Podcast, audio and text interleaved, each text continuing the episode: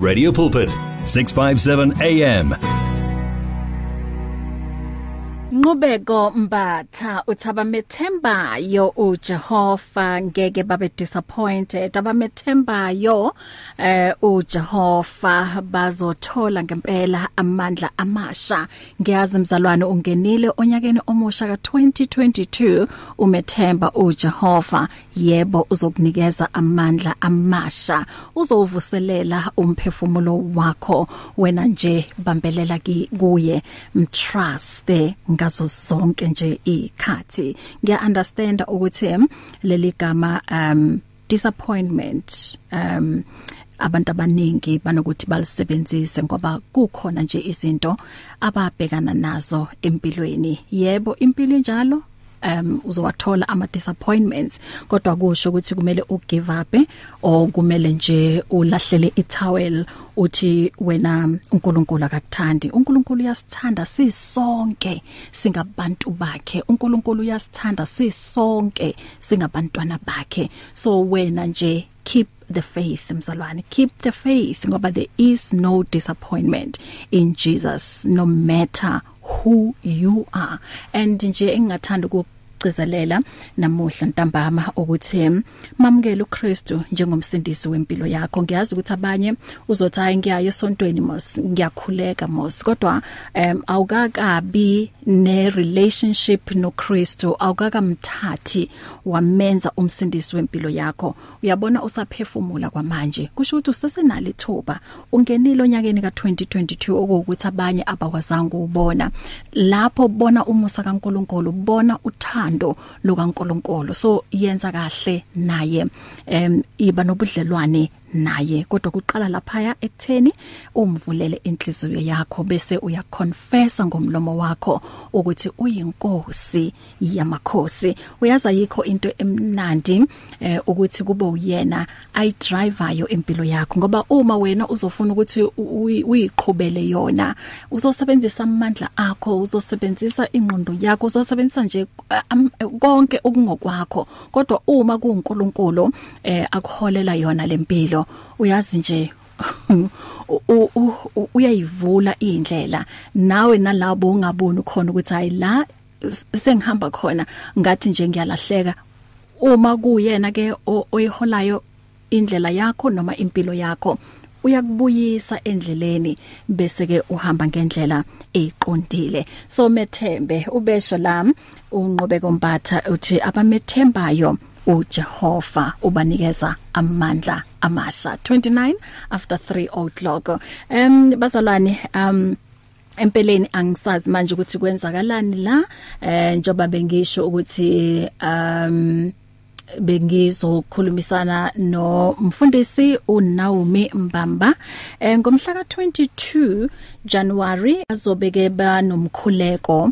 Eh kukhulekelwa iGBV iGBV gender based violence and then kukhulekelwa futhi nezingane ezincane eseyikolweni zisa eh uthola ukuthi ziyakhulelwa ziseyikolweni so bazoba nomhlangano wokukhulekela lokho ngomhla ka22 um January ngale eduduza. Bengithe uzobe ekhona la so ubambekile bazalwane.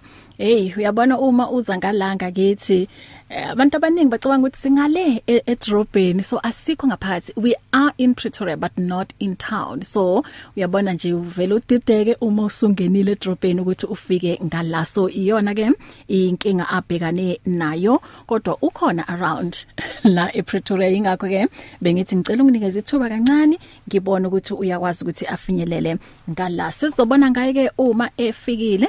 Ithi ke mhlawumbe kulo 30 minutes esinawo nginikeze wena leli thuba. Mhlambe kukhona othanda ukumbonga ngakho uNkulunkulu njoba singenile onyakeni ka2022 noma ke uneyifiso uneyidingo othanda kuyiletha kuNkulunkulu. Em xoxa nathi siza ukuthi ikuphi ongathanda ekutheni akwenzele kona kulonyaka ka2022 omhlampeni ungomunye wabantu namuhla uyafakaza uthi bahle uyabona itheme singena onyakeni ka2021 uNkulunkulu ngamcela ngathi baba imina lo ngingane yakho uyangazi nezidingo zami uyazazi. So konke nje ngikuletha kuwena. And wakwenza uNkulunkulu ngoba uma idingo zethu zihambisana nokuyintando yakhe bazalwane angeke sidisappoint uNkulunkulu uyazi ukuthi ikuphi okusifanele ikuphi oku right for thina. So uma ku aligna nokuyintando yakhe and then ukuletha kuye uyakwenza noma kanjani. Mhlawumbe nabo lobo bufakazi ukuthi mina ithe unyaka moqala ngaletha konke kuNkulunkulu ngathi baba nazi idingo zami. Ngiyacela ukuthi ungibusise ngalokho nalokho. Uyazi nje kwabanjalo 0123341322 012 noma ke ungathumela ngevoice note ku 0826572729 ithi ngindlule ngalaqala ngaphambi kokuthi ngiyivulele ingcingomo From your ear to your heart to your mouth to your feet. Join this life on 657 AM. It's here. Radio Pulpit's new website is live. You can tune in at radiopulpit.co.za and enjoy crystal clear sound with just a click of a button or listen to our podcasts. Discover biblical truths in our daily devotionals and let our stories of hope inspire you. You can download our app on this new look, easy to use platform. Find your favorite program, get to know our presenters, and so much more at radiopulpit.co.za. Radio Pulpit, your daily companion. Be doers of the word with 657 AM. Sounds of life. 0123341322. Njengoba bengichaza phambilini ukuthi um ikuphi ongathanda uNkulunkulu akwenzele kona kulonyaka ka2022 noma kuukuthi unobufakazi eh thonyaka ka2021 lo esibuya kuwona moqala wathi uyazibahle mina ingisebenzele indaba yokuthi ngiwathatha ama goals wami ngwalethe ama plan wami kuNkulunkulu konke nje kuye kwahamba kahle eh kwamanje uyazi ngikhuluma ngigcwele injabulo namuhla ngizofakaza ngokuthi uNkulunkulu methembe and uNkulunkulu unguNkulunkulu ukuthi lokho athe uzokwenza ngempela uzokwenza nakukwenzile empilweni yami sawubona Dumelo semoyeni Hello, how are you? I'm good and how are you? Okay, sisibahle ukhuluma noJulia ivoice yami seyishintshile. Yazi wazi wangikhulumela kamnandi yazi nami futhi yazi yazi ivoice yami yaphola njengeyakho. Hi Julia, hi Julia, Hey. happy 2022. Happy 2022 to you as well sisibahle. Wow. Yo sibonga uNkulunkulu ukuthi umusa wakhe osile osilidele ukuthi singene kulonyaka. Mm. And it's not about only changing the number from 1 to 2. Yeah. but it's about changing the perspective ngithanda ukubonga uNkulunkulu ukuthi ngimbonile Mm. remember after I've been to your program I got a call from a lot of parents that said to me I should come to their areas mm. for the children right Mm. now I want to thank God ukuthi last Friday which is the previous the day before yesterday Mm. we went to Tembisa and I managed to get 17 kids that wanted to come to God and hear about this and some of them the parents were saying to them thina manje asisabasasizwa nanoma sithi sikhuluma nabo. I'm not saying I'm there yet Mm.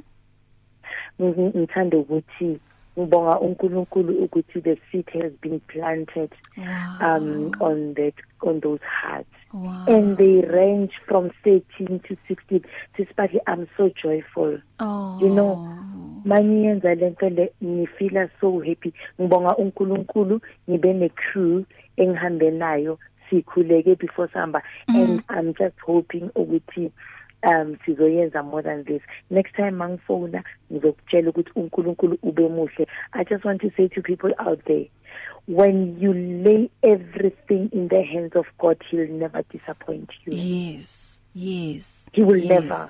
Yes. he will never ngimbonile uNkulunkulu sisibahle Wow, Sis Julia, uyazi ngiyajabula ukuzwa le testimony ngoba abantu abasha siyabadinga. And Siyabadinga. yes, uyazi the way kungakhona uh, kule insuku um siyabona ukuthi hey abantu abasha impilo zabo sisahambi kahle. And eh, siba n- nale fear yokuthi we are losing young people and eyintweni ezingekho right.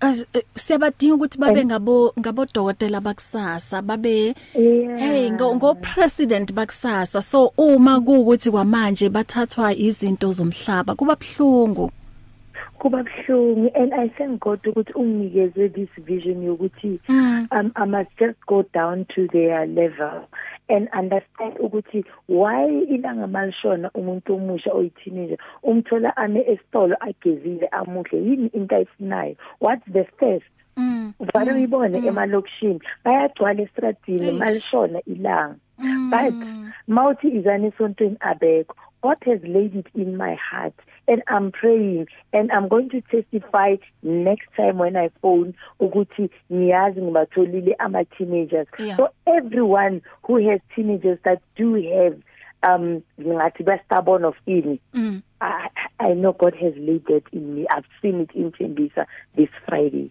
Wow, wow. Yo Yeah. sis Ngibonga Julia. uNkulunkulu. Qhubeka uwenze lo msebenzi omuhle and uyazi ku- kumnandi impela uma kuukuthi abantu abasha bayakwazi ukuthi bamlalele umuntu omdala and then njoba usho ukuthi nawe u- wenza ukuthi ube ku level yabo and then u understand ne language yabo ngoba iyona into ebalekile kakhulu leyo. Yo, we bless the Lord.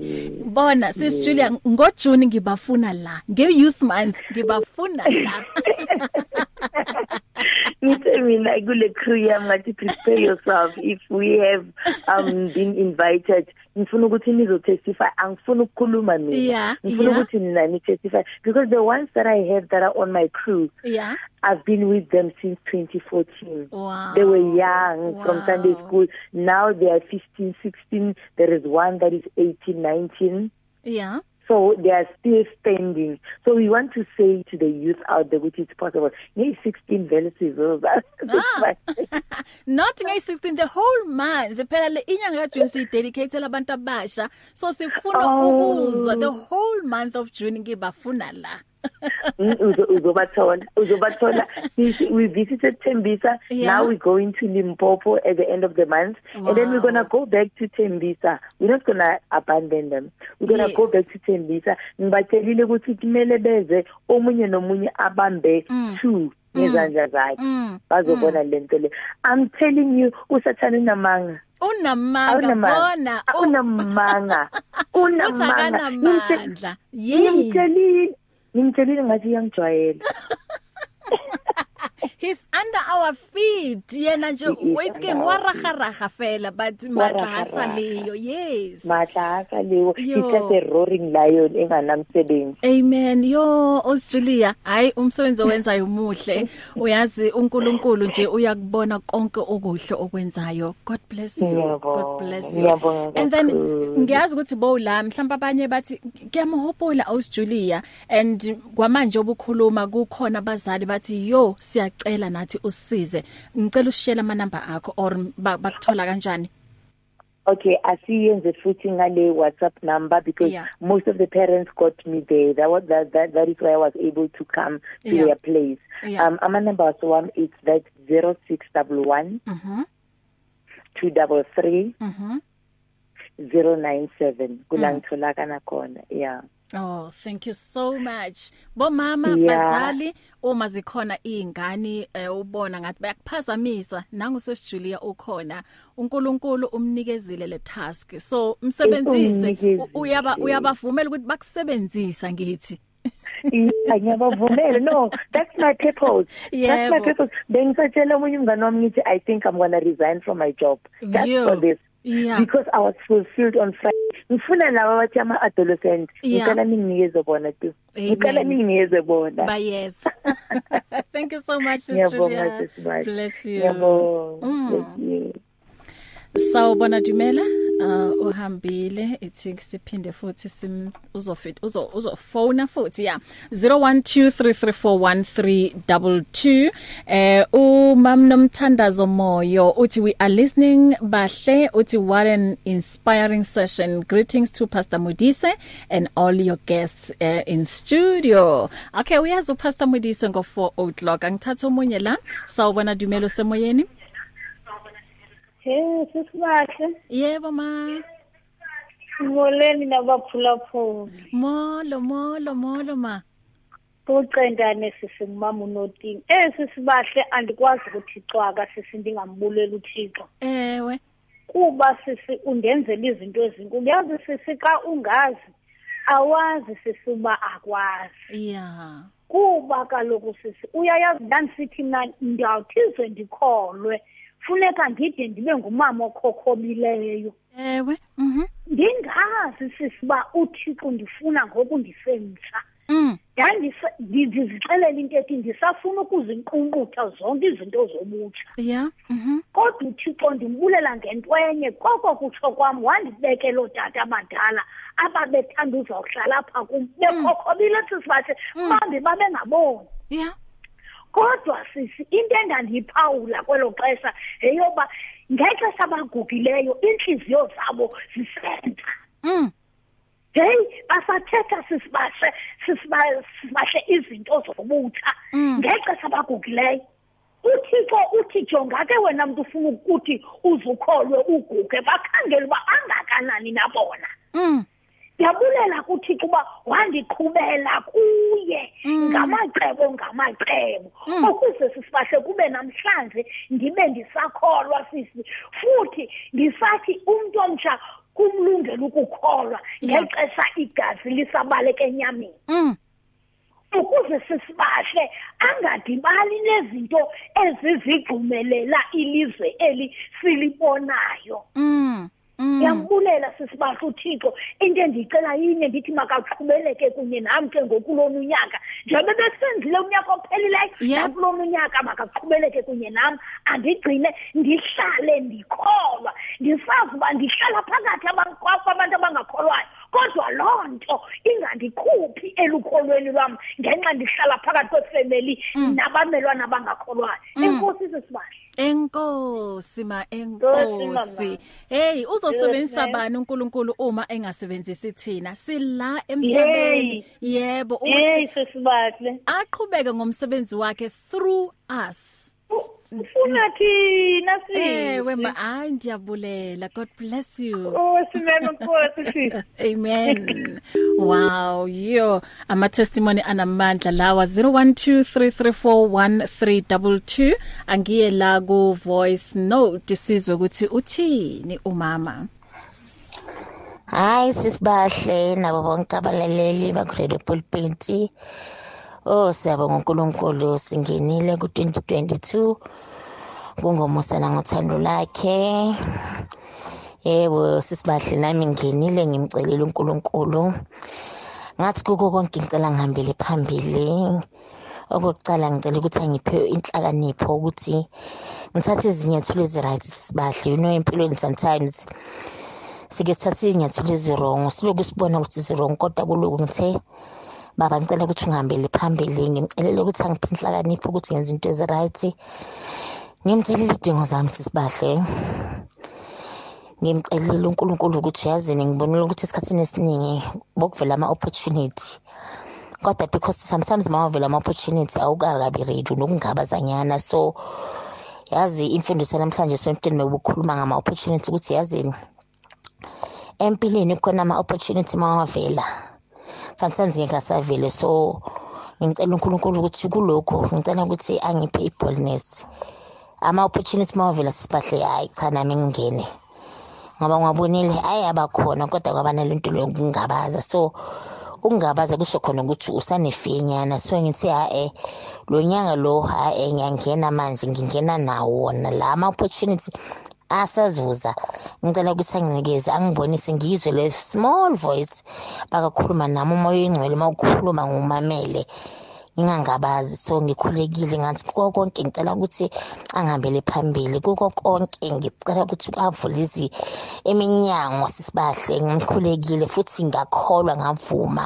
Ngezizwa nami ngikhuleka ngey'teli first ngodisemba ukuthi ha-e ngisebukhoneni bakankulunkulu so ngikhulekile ngabonga futhi ngoba esikhathini esiningi sike sikhuleke sikhuleke kodwa mina ngithi uma ngikhuleke ngikhuleke kodwa at the same time ngimbonge ngizibone sizenzeka lezi zinto lezo. So ngiwumuntu okhuleka kanjalo sisibahle so kukho konke ngikubeke kuNkulunkulu sisibahle yebo.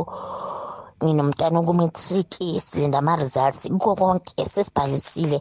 Yes kunalapho sebevumile kodwa ngithi uNkulunkulu wena uyazi futhi nje uma usuvulile iminyango yekhuso uyivala sekuko konke ngoNkulunkulu because yes siyazicela izinto kuNkulunkulu kodwa at the end uyidecidayo kodwa ngithe kuko konke baba okuzokwenzeka empilweni yami ngicela ukuthi ulethe lokhu oku-right lokho okubonayo ukuthi kungifanele okwamanje. Letha khona baba. Ngizokwamukela. So ngiyambonga uNkulunkulu. Kuko konke kwenzile empilweni yami. Ngiyabonga ukuthi hey ube muhle futhi muhle njalo. Hey uyazini? Oh yazi uNkulunkulu ngiyambonga ngoba usinikeza that peace. Yazi mona peace kaNkulunkulu wena konke. Yazi noma izinto zikhona kodwa nje ube ne peace noma izinto uzibona kodwa nje ube na that peace kaNkulunkulu. Oh ha sisibahle. So ngiyambonga mina uNkulunkulu sibahle ngiyambonga ngako konke. Akwenza impilo lami?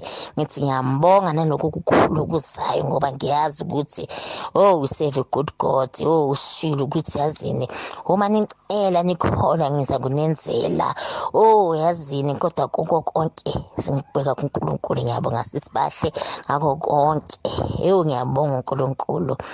Yebo ngiyabonga sisibahle Feel the pulse of the real life on 657 AM. 657 AM. The sounds of your life. kubonga thina kubonga thina mambongi.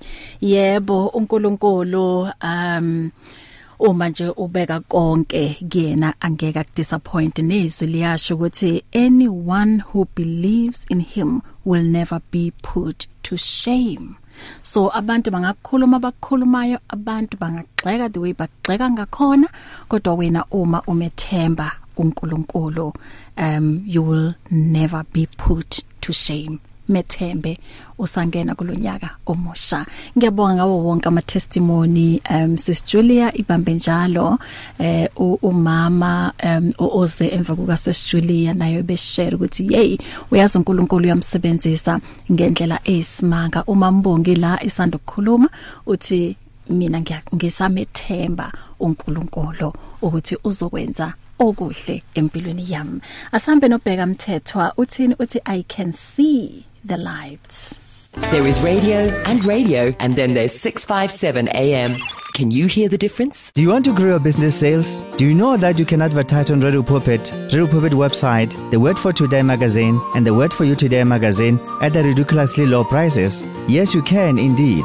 Radio Pulpit, your daily companion, offers you the platform to grow your businesses at the best affordable prices. Simply contact me, Godfrey Moabi, on godfrey at radiopulpit.co.za or call me on 012 334 1265 and I'll tell you how.